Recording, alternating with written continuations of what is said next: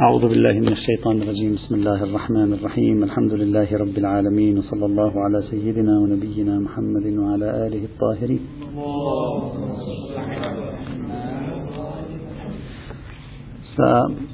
سأختصر سأعيد اختصار النتائج الخمسة التي تكلمت عنها سريعا في نهاية درس الأمس وهي ما هي النتائج التي توصلنا إليها في مسألة الجزية. وننتقل فورا إلى العنوان الثاني والأساسي هنا. النتيجة الأولى كانت الجزية مفهوم عقابي يجعل في حق جماعة من أهل الكتاب فسقوا عن, الدين عن, الحق في دينهم واعتدوا على المسلمين. وظيف مع هؤلاء مقاتلتهم لرد عدوانهم لتحقيق هزيمتهم وإخضاعهم ودفعهم إلى إعطاء الجزية أذلاء صاغرين كي يكونوا عبرة لغيرهم أيضا. في عدم الاعتداء على المسلمين. النتيجة الثانية قلنا العلاقة بين الجزية والجهاد علاقة وثيقة جدا. بمعنى إذا كنا نبني على الجهاد الابتدائي الجزية لها مفهوم أما إذا أنكرنا الجهاد الابتدائي فتصبح الجزية فقط عبارة عن وظيفة نقوم بها تجاه فئة اعتدت من قبل لا مع أي شخص غير مسلم يراد له أن يكون في البلد الإسلامي أو خارج البلد الإسلامي. فقط هي عبارة عن موقف في حال الاعتداء. لماذا؟ لأننا رأينا النص القرآني يربط الجزية بالقتال ونحن نعتقد بأن القتال مربوط بالدفاع. إذا فالجزية مربوطة بالدفاع يعني نتيجة منطقية تلقائيا على المبنى. طبعا لرفع الاستيحاش من باب الكلام يجر الكلام. يعني تطرح في البداية رأي يطرح شاذ لكن شيئا فشيئا يتم استقباله مؤخرا أصدر الشيخ القائيني حفظه الله أحد الأساتذة المعروفين البارزين الشيخ أحمد القائيني أصدر مقالا أيضا توصل فيه إلى عدم وجوب الجهاد الابتدائي وعدم مشروعية الجهاد الابتدائي مؤخرا يعني قبل فترة وجيزة جدا. وناقش كل الأدلة على وجوب الجهاد يعني بشكل مختصر ناقشها ليس موسع جدا لكن بشكل مختصر. ونشرت المقالة في مجلة فقه للبيت الإخوة الذين يريدون مراجعتها في العدد 89 والعدد 90 أيضا للشيخ القائني حفظه الله. يناقش بالتفصيل كل أدلة الجهاد الابتدائي ويتوصل إلى أنه لم يقم دليل على وجوبه بل ولا على مشروعيته. هذه الجملة الأخيرة. فشوي شوي تبدو النظرية في البداية غريبة عجيبة بعدين شوي شوي تزداد أنصارا فتصبح وجهة نظر على الأقل. قراءة كما يقال. فإذا ارتباط الجزية بالقتال في الآية. والمفروض أن القتال عندنا مربوط بالدفاع إذا الجزية مربوطة بالدفاع. فلا جزية إلا على من قتلناهم دفاعا أي من اعتدوا على المسلمين فقاتلناهم ففرضنا عليهم الجزية عقوبة و يعني إذلالا لهم على ما فعلوا من العدوان. أشبه شيء بتعويضات الحرب كما نسميها نحن اليوم إذا صح التعبير. النتيجة الثالثة. قلنا العلاقة بين الجزية والذمام غير مضطردة قد تكون جزية ولا يكون هناك ذمام بالمعنى المصطلح الخاص. وذلك أن النص القرآني يتكلم عن الجزية ولا يتكلم عن خضوعهم لأراضي المسلمين. فالجزية قانون أعم من أن نقاتلهم فندخل أراضيهم في أراضي الدولة الإسلامية فيدفعون الجزية وهذا هو الزمام. أو نقاتلهم فلا نتمكن من دخول أراضيهم لكن نهزمهم نكسرهم فنفرض عليهم الجزية آه، حتى لو لم يكن قد دخلنا أراضيهم كما كما هو الآن موجود في آه، يعني قانون دولي موجود هذا في الحروب أيضا. هذه إذا فك العلاقة فك التلازم القهري بين الجزية وبين الذمة. فقد تكون جزية ولا تكون ذمة كما قلنا. النتيجة الرابعة قلنا الصغار الموجود في الآية القدر المتيقن منه هو أنهم يدفعون الجزية حال كونهم قد هزموا وخضعوا للدولة الإسلامية. هذا بنفسه تحقيق حال الصغار. يعني لا تيجوا تأخذوا منهم الجزية على أساس مفاوضات ند في الند لا الجزية لا تؤخذ هكذا. الجزية لا تؤخذ مفاوضات ند في ند. هذه مفاوضات ند في ند نسمي ما يؤخذ في المفاوضات الند للند عوض الصلح عوض المهادنة. لأن المهادنة في الفقه الإسلامي تنقسم إلى مهادنة معوضة ومهادنة غير معوضة. إذا كانت العلاقة بينك وبين الخصم علاقة ند في ند لا يوجد أحد هزم الثاني أو كسر الثاني أو كان تحت شوكة الثاني هذا صلح أو هذه مهادنة وقد تكون بعوض. لكن العوض لا نسميه جزية ولم يسميه الفقهاء جزية. إنما الجزية تكون عندما يكون الطرفين واحد أعلى من الآخر. أي خضعوا وهزموا وصاروا في موقع الضعف ففرض عليهم أن يدفعوا الجزية. في مثل هذه الحال. هذا هو معنى الصغار المراد في الآية. والنقطة الخامسة والأخيرة التي تكلمنا عنها ليس هناك تحديد كمي للجزية والأرجح أنه لا يوجد تحديد زماني لها. فإمام المسلمين بعد الحرب يفرض عليهم الجزية لسنة لعشر لعشرين لخمسين على ما يراه من المصلحة. لا أن الجزية إذا فرضت لا بد أن تفرض إلى يوم القيامة. فإن الدليل على ذلك خبر آحادي معارض بأخبار أخر وبعض الروايات الثلاث التي مرت معنا أصلا لا تدل على جزية الرؤوس. هذا أردت فقط أن أعيد توضيحه كخلاصة لما مر معنا في الدروس الماضية برمتها. البحث الثاني وهو البحث الأخير في موضوع المواطنة والذمام العلاقة بين مفهوم الذمة في الفقه الإسلامي ومفهوم المواطنة. بما نفهمه اليوم عن مفهوم المواطنة. يعني أصل المواطنة لا درجات المواطنة أصل المواطنة نتكلم. بعد أن انتهينا من مفهوم الجزية الذي هو أصل أصول بحث الذمة أصلا أصل أصول عقد الذمة في الإسلام هو الجزية كما سنرى. هو الأصل فيه. الآن نريد أن ندرس ماذا يفهم الفقه الإسلامي وما تصوره عن المواطنة. هل يمكن أن يكون غير المسلم مواطن في الدولة الإسلامية في المجتمع الإسلامي أو لا؟ طبقا لقواعد الفقهاء وهل نتمكن من نقد قواعد الفقهاء أو لا؟ وبماذا سنخرج من نتيجة؟ هذا هو بحثنا. دعوني أولا في البداية سنشرح الصورة الفقهية ونبدأ نشرحها ونفككها ونعلق عليها سلبا أو إيجابا. مشهور الفقه الإسلامي إخواني الأعزاء يعتقد على الشكل التالي سنة وشيعة أتكلم الآن.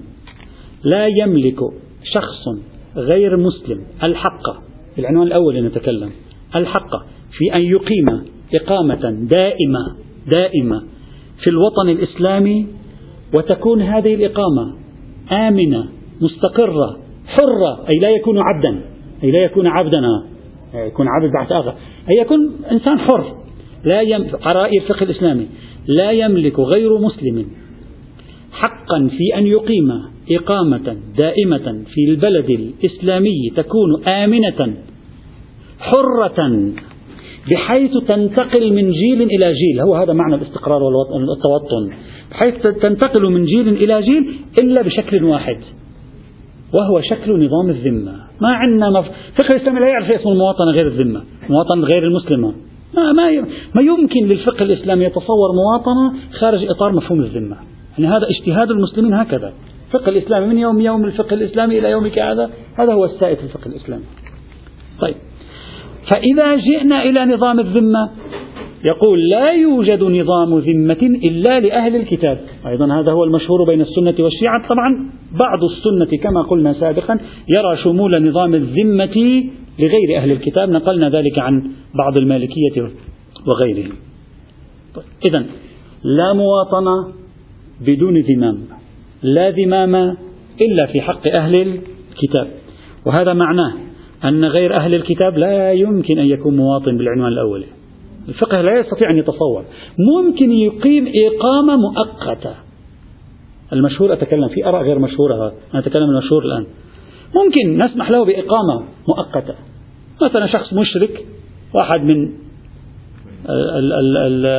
الصين يريد يأتي ويريد أن يستوطن في بلد المسلمين نقول لا نسمح اسمح لنا أنت تأخذ إقامة. يعني سنة بسنة ولا نعطيه توطنا دائما أبدا. ما ممكن تتصور هذه.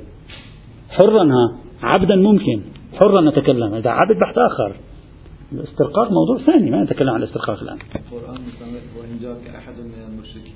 آه هذا هو الاستئمان هذا هو الإقامة المؤقتة. أي تعطيه الأمان ويكون مؤقت ثم أبلغه مأمنه.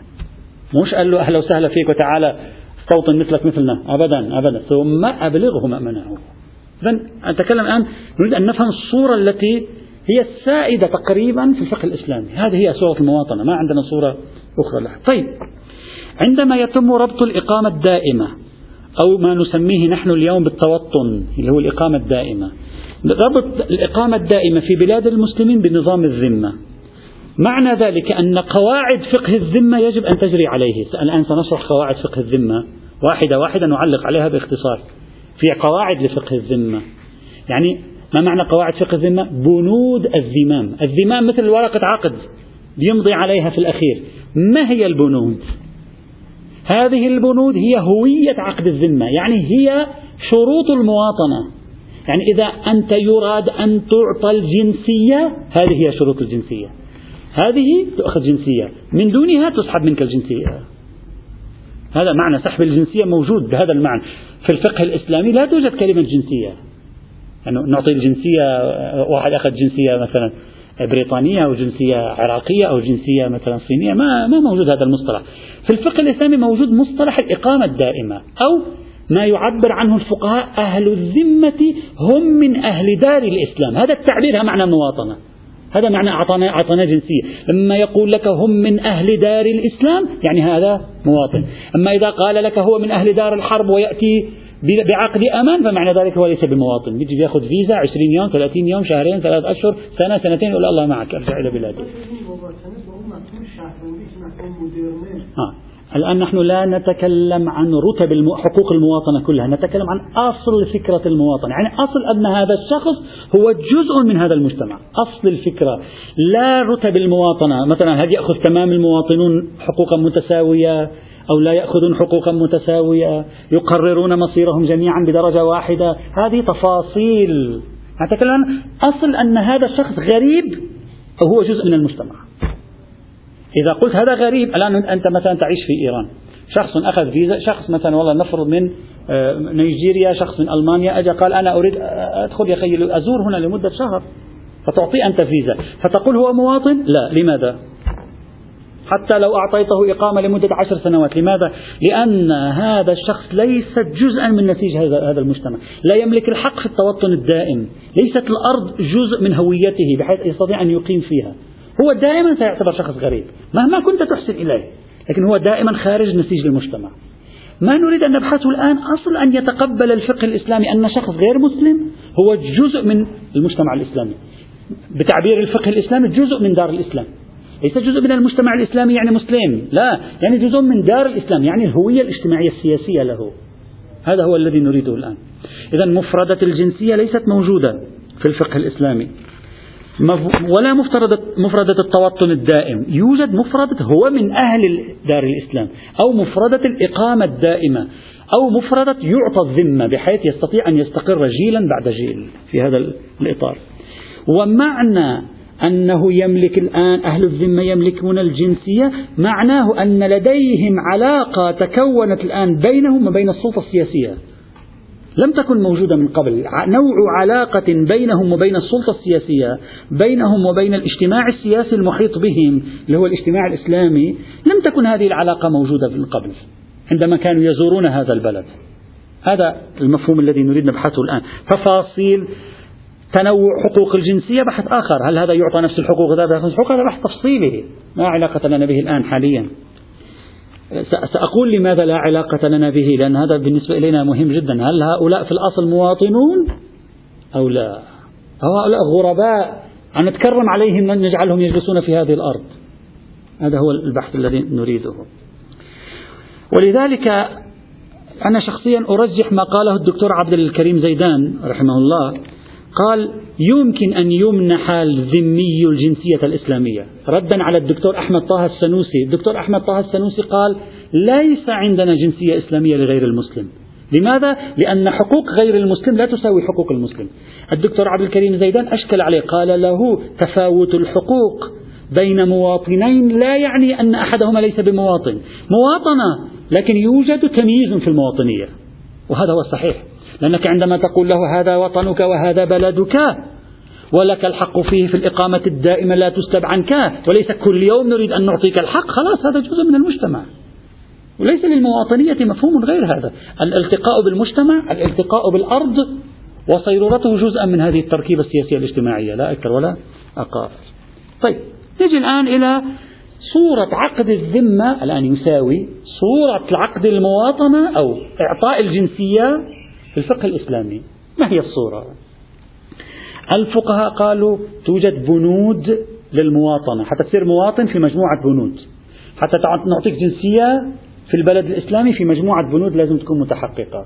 إذا لم تكن مسلما البند الأول. قبل أن أبدأ بالبنود دعوني أقول لكم شيئا مهما للغاية في موضوع بنود المواطنة في الفقه الإسلامي. البنود هذه على قسمين. قسم منها الفقه الإسلامي يقول لا يمكن أن تكون هناك مواطنة بدونه. أراد الحاكم أم لم يرد؟ لا يمكن بالعنوان الأولي. القسم الثاني هذه البنود بنود مواطنة إذا قررها الحاكم في العلاقة مع أهل الذمة. أما إذا لم يقررها ففي جدل ونقاش. الآن سوف نشرح هذه الفكرة جيدا. البند الأول الجزية الجزية بند أساسي في المواطنة. لا يصح عقد الذمة من دونه. يعني إذا أجى الحاكم الآن وسوى عقد مع مجموعة من المسيحيين موجودين الآن في بلد إسلامي أو أرادوا أن يأتوا إلى بلد إسلامي أعطاهم جنسية.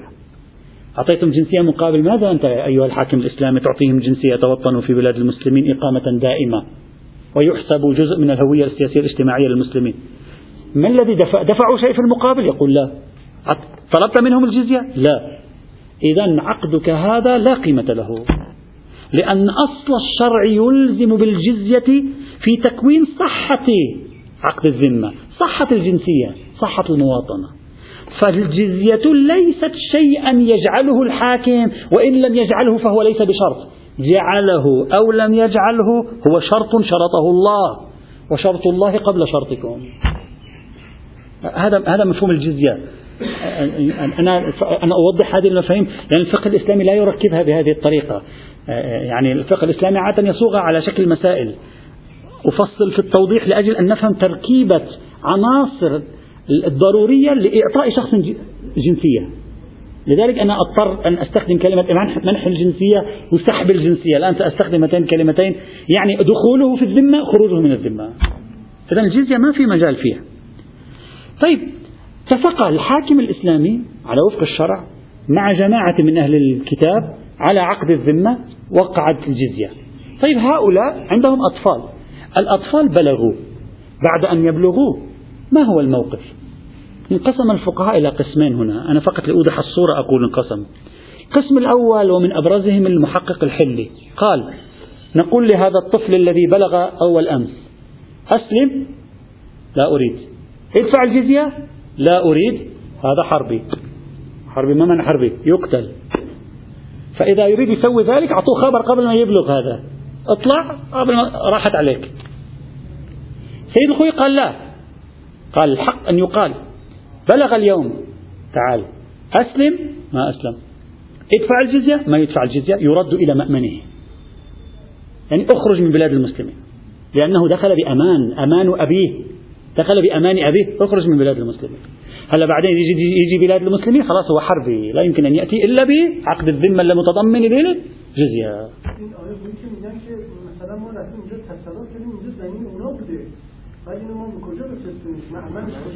مأمنش هو بلاد دار الحرب الإسلام. شوف أنا لا أريد أدخل كثير في الفقه السياسي. في مفهوم الوطن في الإسلام يوجد ثنائية. دار الحرب دار الإسلام. الفقهاء كل ما هو خارج دار الإسلام هو دار الحرب. فليس عندهم أوطان. في وطنين في العالم كله. العالم كله مقسم لوطنين في الفقه. أنت هذا تقسيم عندي بلد اسمه لبنان وعندي بلد اسمه مصر وعندي بلد أو عندي بلد اسمه العالم العربي وعندي بلد اسمه العالم الإيراني وعندي بلد اسمه العالم الع... ما موجود. هذا لا يق... يعني إذا تظهر الشاشة الفقه الإسلامي لا يرى هذه الأوطان. حقيقة نقولها ليس الكلام التداول السياسي. حقيقة الفقه الإسلامي لا يرى. الفقه الإسلامي يقول العالم إذا أردت أن أرسم لك وطن في وطنين وطن بلون أخضر وهو الوطن الإسلامي ووطن بلون آخر وهو الوطن غير الإسلامي وبالتالي أبلغه مأمنه يعني وطن غير المسلمين. إخراج نعم هذا هو المعنى. إذا الفقه لا يقبل بتوطن هؤلاء خارج إطار الإسلام أو الجزية. التي هي الشعار الذمية الذي لا يمكن إسقاطه على الإطلاق. هذا الشرط هذا البند الأول وهو بند من شروط صحة الذمية الشروط التي تفرض على الحاكم نفسه بالعنوان الأولي الشرط الثاني وهو أيضا عندهم من شروط صحة الذمية.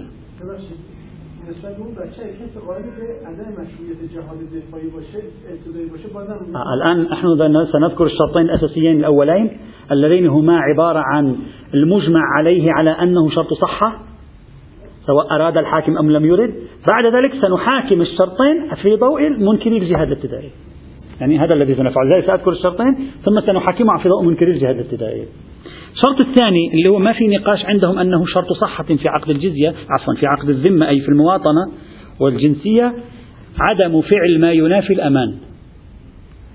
ما معنى عدم فعل؟ يعني لا يروح هذا المسيحي الذمي الذي يسكن في بلاد المسلمين بعقد ذمة ممنوع أن يذهب يروح يسوي اتفاقيات مع دول أجنبية ويسوي خلية أمنية لاستهداف المسلمين استهداف الجيش الإسلامي.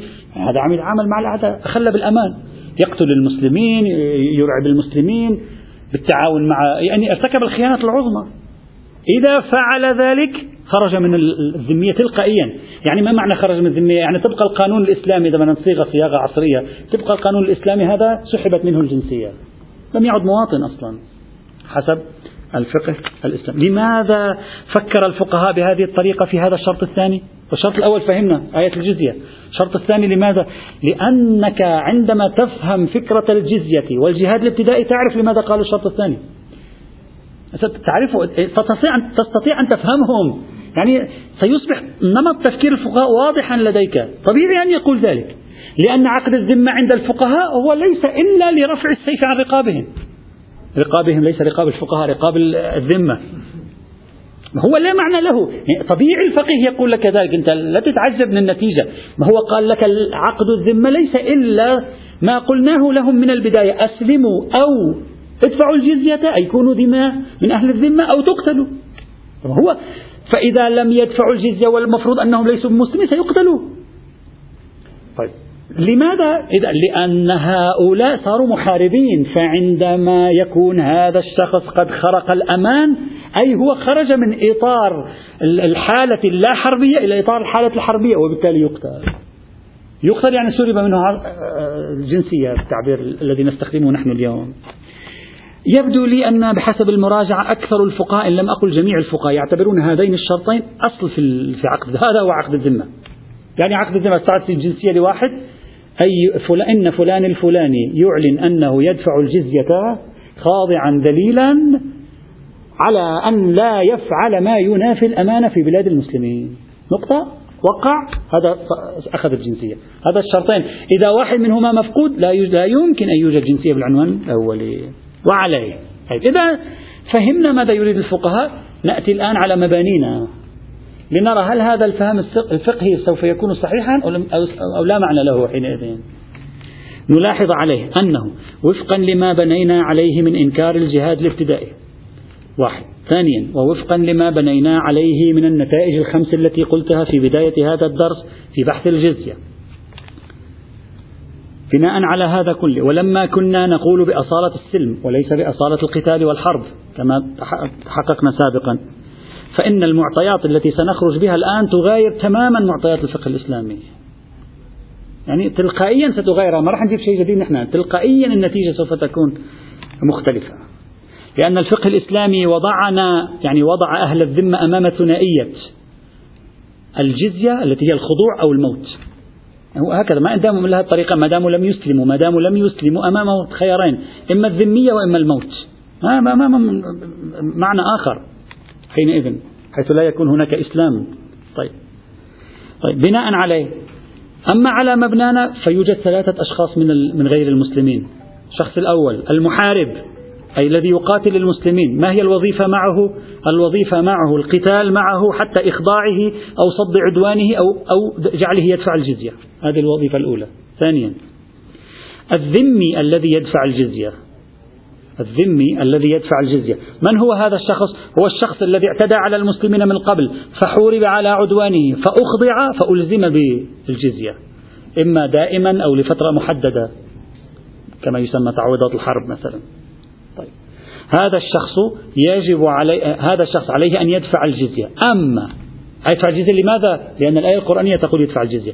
أما لو فعل ما ينافي الأمان الآن توقف معي قليلا. لو فعل هذا الشخص ما ينافي الأمان معنى ذلك أنه تمرد يعني أعاد نفسه إلى حالة الحرابة. ما هو لما يتواصل مع الدولة الأجنبية لمقاتلة المسلمين يعني خرج عن مواطنيته وعاد إلى حالة الحرابة الفعلية. فإذا عاد إلى حالة الحرابة الفعلية عاد عموم قوله تعالى قاتلوا الذين لا يؤمنون بالله. يعني بشكل تلقائي لأنه صار متلبسا بالحرابة. والمفروض أن الذي يدفع الجزية هو نهاية الحرب والحرابة. فإذا تخلف عن دفع الجزية أو إذا عاد إلى حالة ما يخرق الأمان عاد إلى حالة المقاتلة. فيكون حينئذ هذا شيء طبيعي.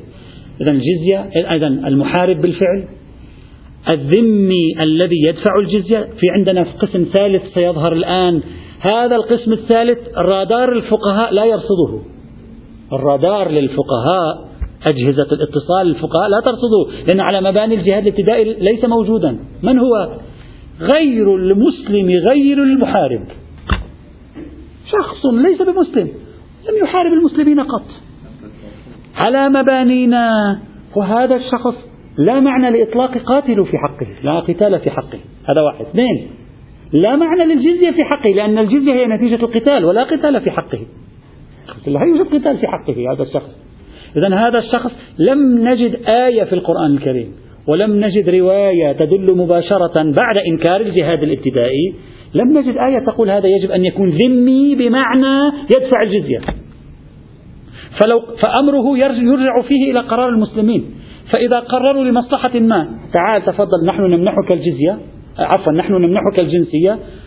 خارج إطار الجزية سيكون مواطنا حينئذ. وبذلك يمكن أن يدخل في المواطنية ويمنح الجنسية. كل شخص غير مسلم لم يحارب المسلمين. إذا قررت الدولة الشرعية أن تعطيه الجنسية.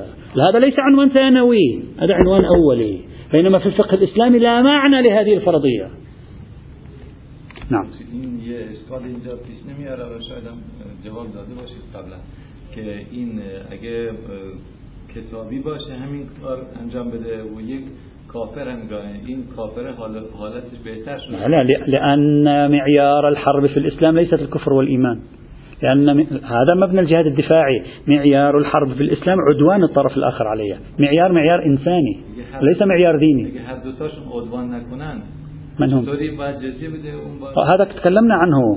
أشرنا سابقا في موضوع سابق أنه ممكن أن يكون يوضع الجزية على آه، بعض أهل الكتاب من الفاسقين منهم ولا توضع على غيرهم. هذا بحث تكلمنا أشرنا ما هي المبررات التي يمكن أن تطرح هنا أشرنا إلى ذلك سابقا.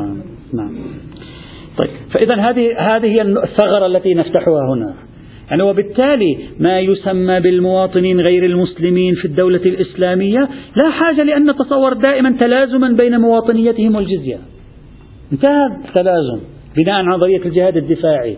لأن التلازم كان موجودا نتيجة أن كل من هو غير مسلم يقاتل ومن يقاتل يدفع الجزية إن لم يكن مشركا هذا التلازم فكفكناه. الآن ليس كل غير مسلم يقاتل. يقاتل غير المسلم الذي يعتدي. هذا يفرض عليه الجزية. أما غير المسلم الذي لا يعتدي إذا قررت لا يوجد نص في الشريعة يمنع الدولة الإسلامية أن تقول له تعال هذه جنسية. ما في نص عندنا.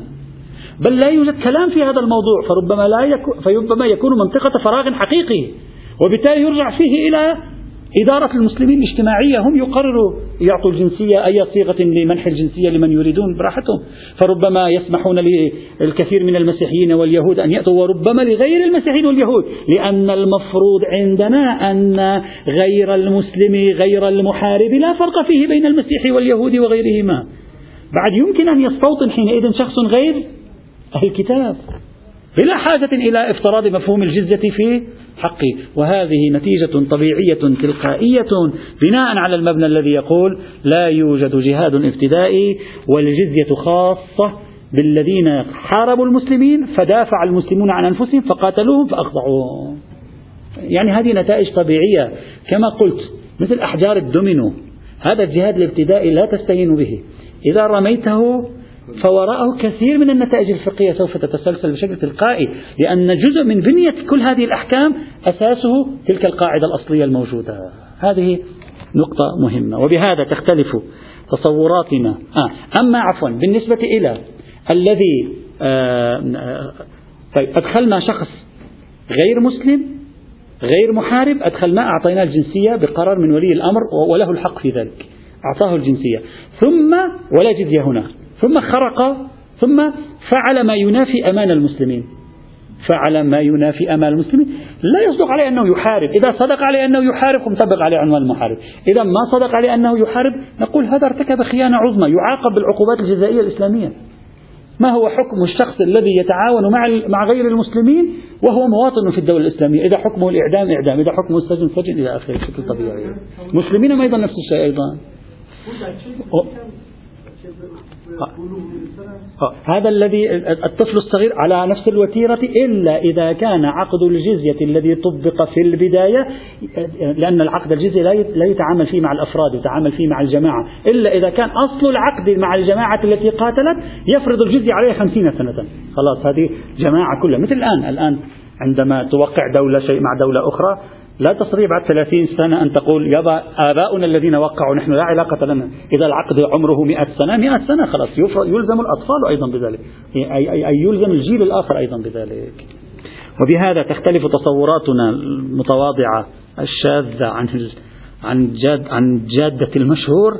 تختلف في مفهوم الجنسية الإسلامية لغير المسلم عن التصورات المشهورة تبعا للاختلاف في المباني.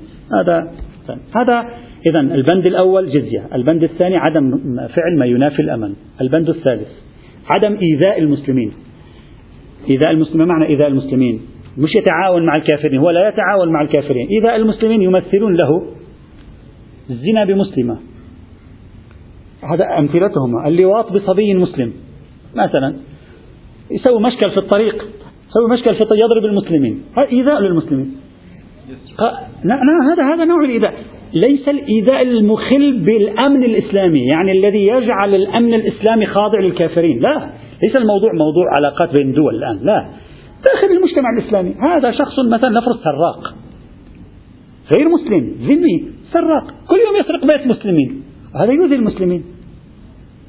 هذا الشخص قالوا عدم إيذاء المسلمين شرط في عقد الذمة يعني بند من بنود منح الجنسية بند من بنود المواطنة.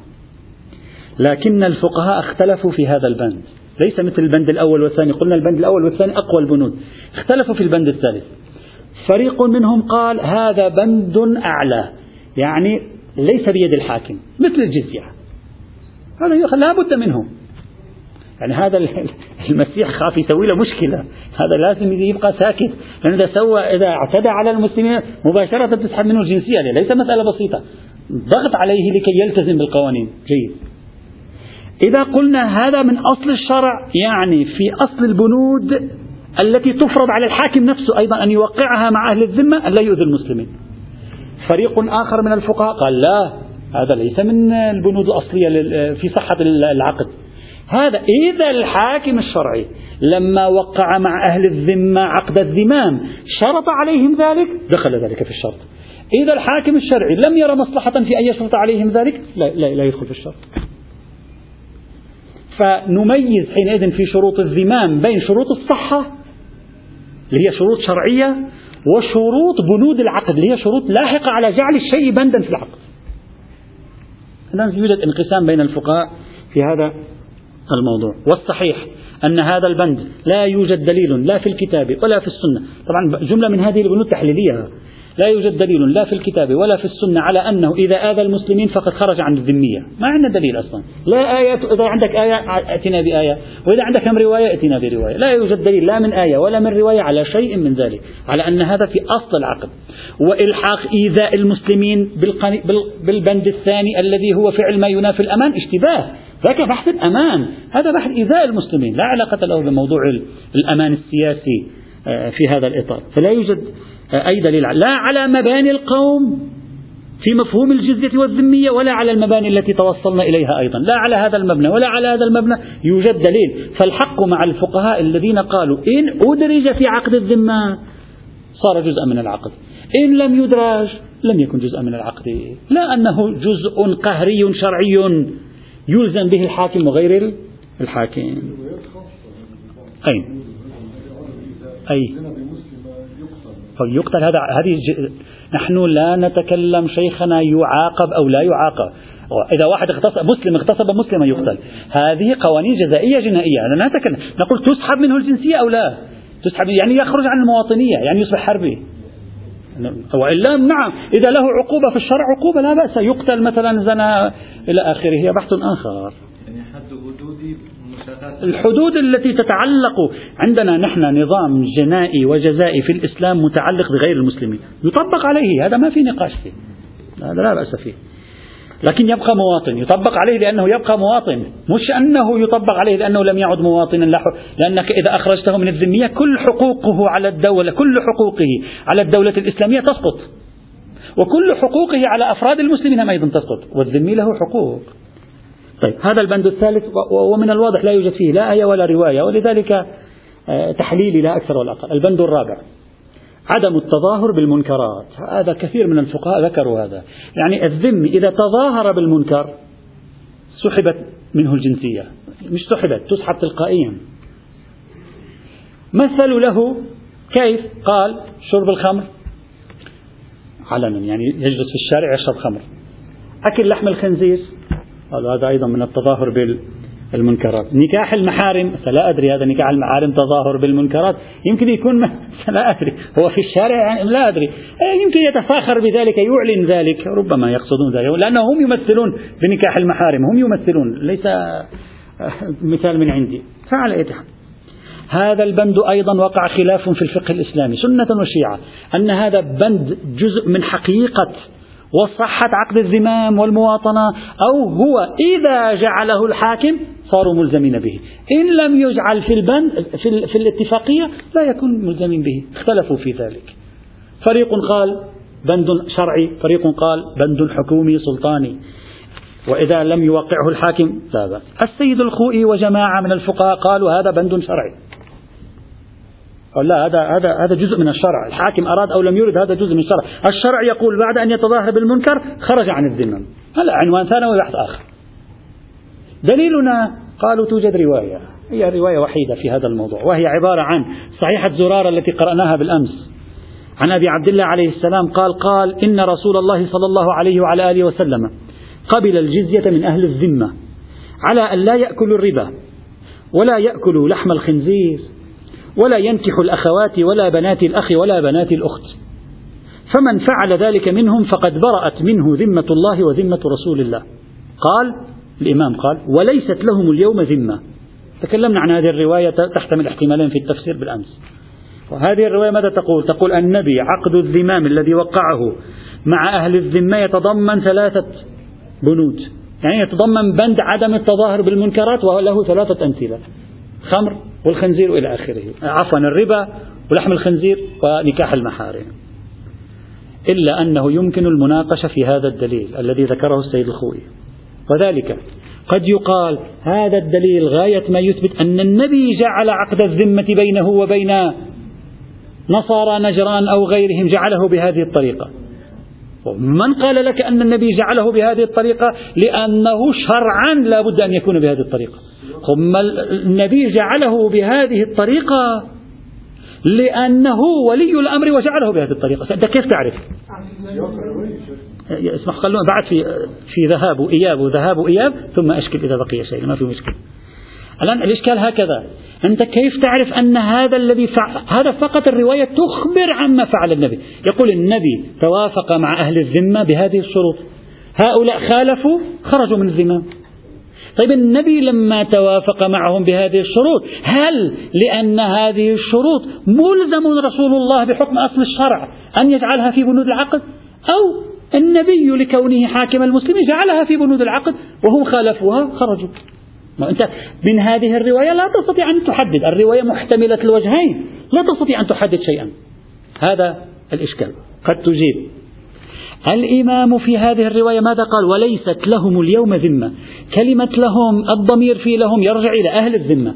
لم يقل الإمام وليست لهم اليوم أي لخصوص أولئك المسيحيين واليهود الذين كانوا قد تم التوافق معهم في زمن النبي. ما هو تسعين بالمئة من اليهود والنصارى الذين أصبحوا ذمة في زمن الإمام الصادق. تسعين بالمئة منهم ليسوا من الذين وقع معهم النبي العقد. طب النبي لم يوقع معهم عقد هؤلاء. النبي وقع عقد مع نصارى نجران يهود خيبر بعض في في اليمن شيء في بعض مجوس آه، مجوس هجر أيضا وقع هذا موجود. طيب هؤلاء النبي إذا كان حكم حكومي هؤلاء إذا خرجوا عن مقتضى ذلك يحاسبون خرجوا من الذمية. لكن الإمام يقول أهل الذمة عنوان عام ثم يقول ليس لهم اليوم ذمة. من هم هؤلاء الذين ليس لهم اليوم ذمة؟ الإمام يتكلم عن الأندر من الأفراد. ما أغلب أهل الذمة في زمن الإمام لم يكونوا ضمن اتفاقية النبي. فلو لم تكن تلك البنود في أصل الشرع لماذا الإمام يقول ليس لهم ذمة الآن؟ أنت قد تجيب ذلك. لو كانت تلك البنود ليست في أصل الشرع كان يجب على الإمام أن يقول وأولئك الذين عقد معهم النبي عقد الذمة اليوم ليسوا أهل ذمة أما أولئك الذين جاءوا بعد عصر النبي فهم أهل ذمة لأنه لم يجعل معهم عقد من هذا القبيل. لا لا يوجد مس... مصر. أقباط مصر. هذا فعل أقباط مصر لم يدخلوا في لم يدخلوا تحت سلطة الإسلام في زمن النبي. يتكلم عن رسول الله. فإذا أنت قد تشكل في البداية تقول لا ندري هل هذا لأنه جزء من أصل الشرع أو لأنه قرار نبوي. الرواية ساكتة. الجواب هذا جزء من أصل الشرع. إذ لو لم يكن جزءا من أصل الشرع لم يكن يعقل أن الإمام يسلب عنهم الذمية. كل أهل الذمة في بلاد المسلمين من أقصى الشرق إلى أقصى الغرب. لأن لأنهم لم يتوافقوا مع عقد النبي. ما هؤلاء لم يعقد النبي معهم عقد. قد تقول ذلك. إلا إذا قيل مرة ثانية.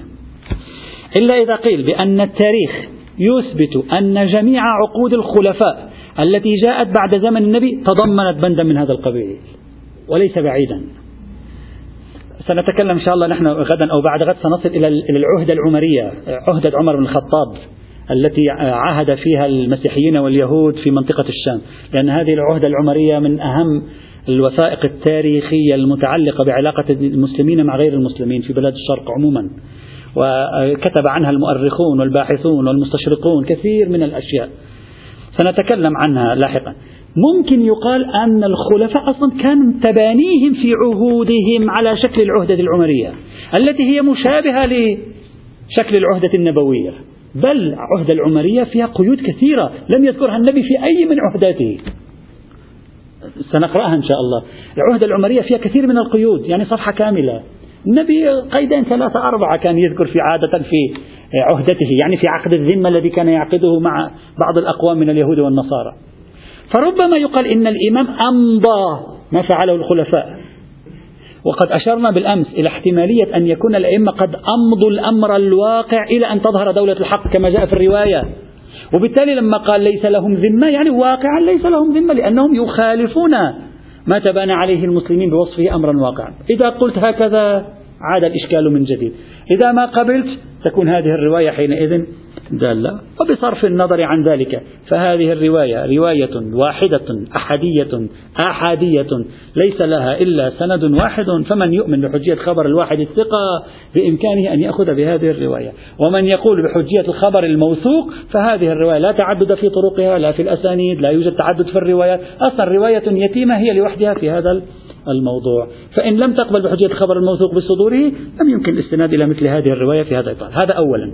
بل الفقهاء قالوا عدم التظاهر بالمنكرات. الرواية ليس فيها كلمة تظاهر. أنت منين جبت كلمة تظاهر؟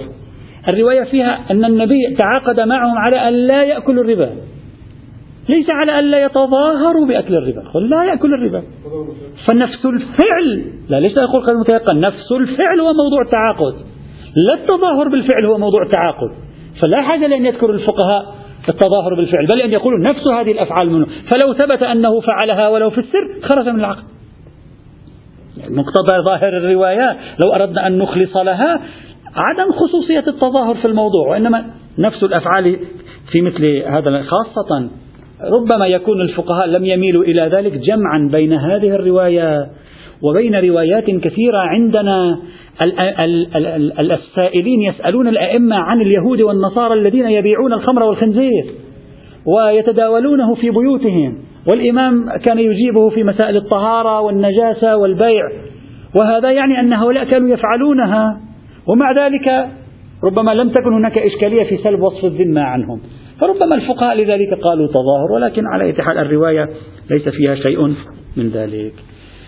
البند الخامس من بنود آه، المواطنة في الفقه الإسلامي مع التعليق عليه إن شاء الله تعالى. والحمد لله رب العالمين. هل الخبر أحادي بسند واحد يوجب الوثوق؟ لديك إذا لماذا نبحث في حجية خبر الواحد كنا؟